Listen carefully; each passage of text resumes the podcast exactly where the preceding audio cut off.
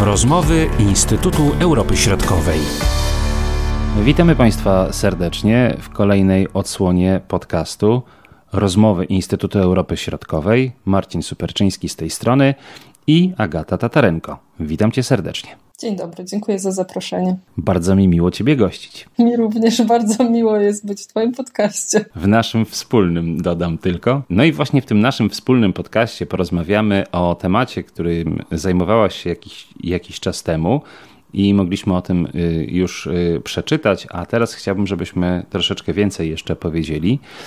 Mianowicie y, przenosimy się oczywiście do Czech i będziemy rozmawiali o reformie emerytalnej w tym państwie, która w końcu się materializuje, można powiedzieć, i czy budzi duże emocje w Czechach, czy też nie? Z jednej strony budzi duże emocje, ponieważ e, od początku, kiedy zostały ogłoszone plany przeprowadzenia reformy systemu emerytalnego w Republice Czeskiej, to mm, Czesi wyszli na ulicę. Tutaj wielokrotnie w podcastach mówiliśmy o różnego rodzaju e, protestach w Republice Czeskiej, głównie w Pradze, czasami też w mniejszych miejscowościach.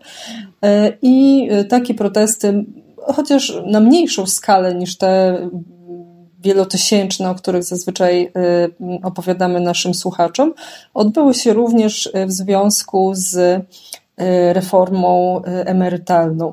Z drugiej strony reforma emerytalna została poparta, czy ten projekt reformy emerytalnej Przecież sama potrzeba zreformowania e, systemu emerytalnego w Republice Czeskiej e, została poparta przez e, wielu intelektualistów, wielu, wiele osób ze świata polityki, między innymi Projekt ogłoszony przez rząd premiera Petra Fiali został poparty przez Danuszę Nerudową, która kandydowała w ostatnich wyborach prezydenckich.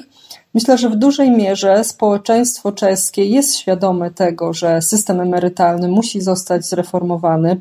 Podobnie tak jak w wielu innych państwach Unii Europejskiej. Natomiast y, pewne wątpliwości budzi sam kształt tej y, reformy i pewne szczegółowe zapisy. Natomiast jeśli chodzi o to, czy system emerytalny jako taki powinien zostać zreformowany, to jakby społeczeństwo czeskie zdaje sobie z tego sprawę, co wynika jakby z dwóch podstawowych e, przyczyn, a właściwie z jednej, że Czesi, podobnie jak inne społeczeństwa Unii Europejskiej, no, borykają się z problemami demograficznymi. Ale z drugiej strony też y, dzietność w Czechach jest y, jedną z najwyższych w Europie. Zdaje się, że na trzecim miejscu. Tak, tak.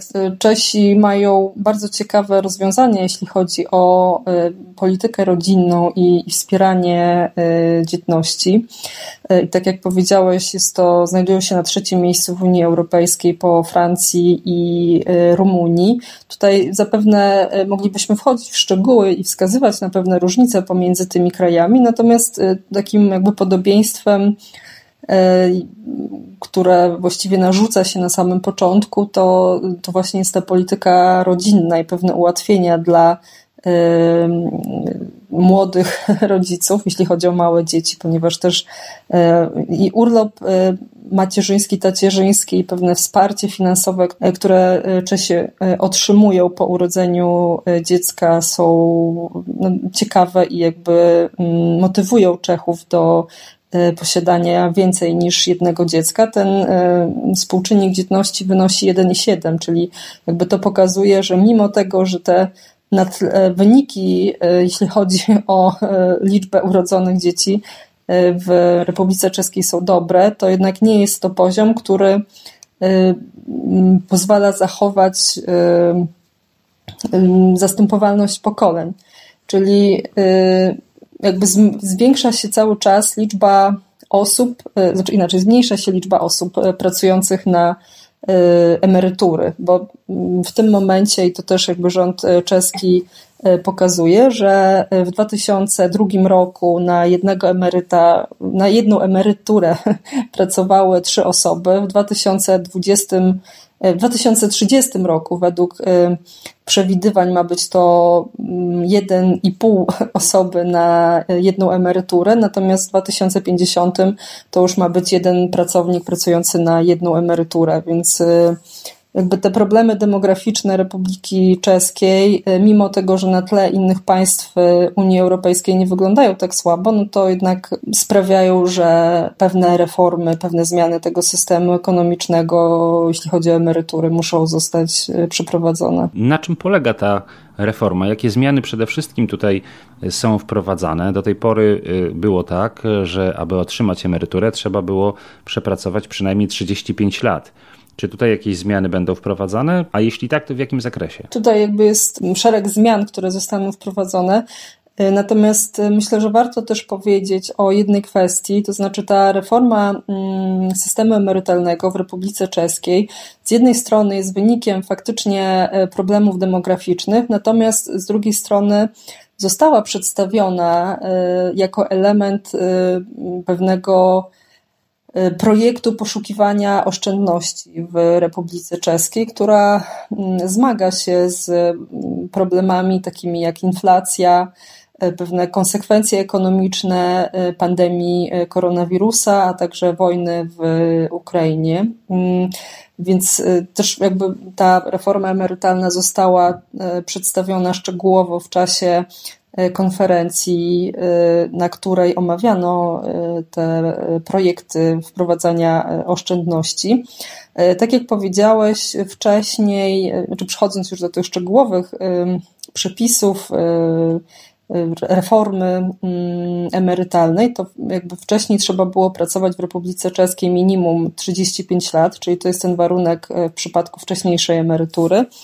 E, w tym momencie e, reforma zakłada, że trzeba będzie co najmniej przez 40 lat odprowadzać składki, natomiast sama wcześniejsza emerytura, bo właściwie o niej mówimy, będzie możliwa tylko dla przedstawicieli określonych e, zawodów, które zostaną wskazane przez e, Ministerstwo Pracy i Spraw Socjalnych. E, ta reforma emerytalna w Republice Czeskiej jest o tyle ciekawa, ponieważ nie zakłada określonego ujednoliconego wieku emerytalnego. I pamiętamy na przykład protesty, które miały miejsce we Francji, tam jakby się bardzo głośno, mm, bardzo głośno protestowano wobec tej liczby, która była podana, zakomunikowana przez rząd francuski. Natomiast w przypadku Republiki Czeskiej tam nie ma ujednoliconego wieku emerytalnego. Natomiast według założeń ten wiek emerytalny będzie Y, uprawniał pracownika do przejścia na emeryturę, ma jakby stopniowo wzrastać w oparciu o dane y, statystyczne, jeśli chodzi o y, oczekiwaną średnią długość życia. I pracownik będzie poinformowany o tym, kiedy przejdzie na emeryturę z co najmniej 15-letnim wyprzedzeniem. Tutaj możemy wspomnieć, że także obecnie w Republice Czeskiej ten wiek emerytalny jakby nie jest ujednolicony, ponieważ co prawda dla osób urodzonych po 1971 roku ten wiek emerytalny wynosi 65 lat, natomiast przed jest to jakby kwestia pewnych obliczeń, e, na które składa się jakby mm, wartości podane w specjalnie opracowanej ku temu tabeli, a także e, liczba wychowanych dzieci, na myśli nie tylko dzieci urodzone, ale także przysposobione. Jeśli chodzi o y, jeszcze opinię społeczną, na co tutaj przede wszystkim zwraca się uwagę, co jest krytykowane może najbardziej, a co jest odbierane z pewnym zrozumieniem. Jak zawsze w przypadku e, projektów e, reformy systemu emerytalnego, to jakby podstawowym obiektem krytyki jest ten dłuższy czas pracy. I w przypadku Republiki Czeskiej e, jest podobnie. Mm, tutaj jakby zakłada się i też czasami widziałam, że w niektórych analizach podaje się, że w efekcie Czesi będą pracować do 68 roku życia. To jest jakby mm, bardzo taka szacunkowa liczba, ponieważ tak jak powiedziałam, ta przedstawiona reforma nie, nie podaje jednego wieku emerytalnego, natomiast zdecydowanie takim największym y, obiektem krytyki y, jest ten wydłużający się czas pracy.